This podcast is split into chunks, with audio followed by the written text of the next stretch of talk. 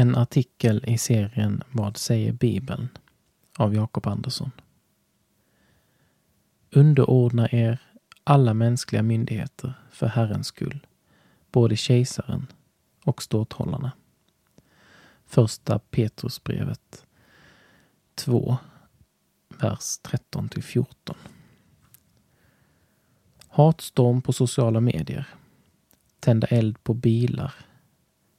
Eller att helt enkelt strunta i lagar och regler.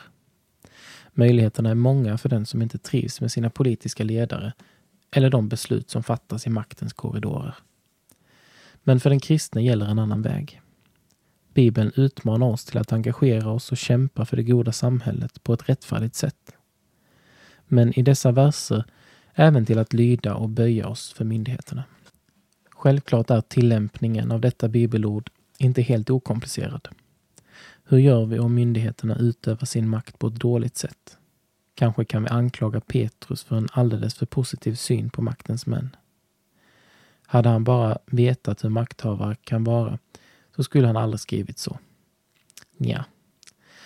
Vi får nog ta en historielektion om Petrus samtid. Vilka erfarenheter har han av kejsare och ståthållare? Ståthållare Pontius Pilatus lät avrätta Petrus oskyldige bästa vän och tillät den första församlingen att bli förföljd. Kejsar Nero kallade sig Guds främste fiende, slaktade kristna och använde dem som facklor längs vägarna till Rom.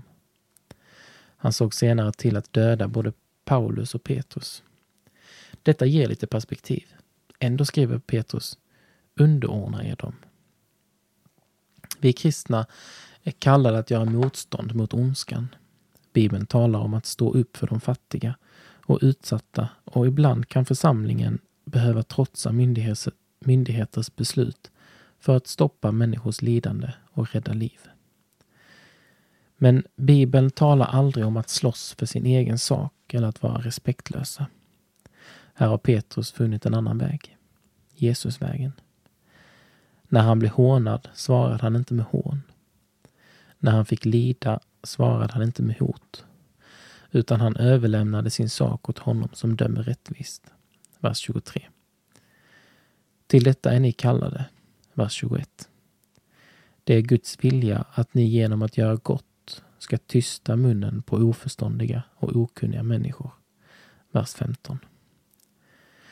Den kristnes väg är att leva i sanning, kärlek och ödmjukhet och att be för de som förföljer en och för dem som har makt.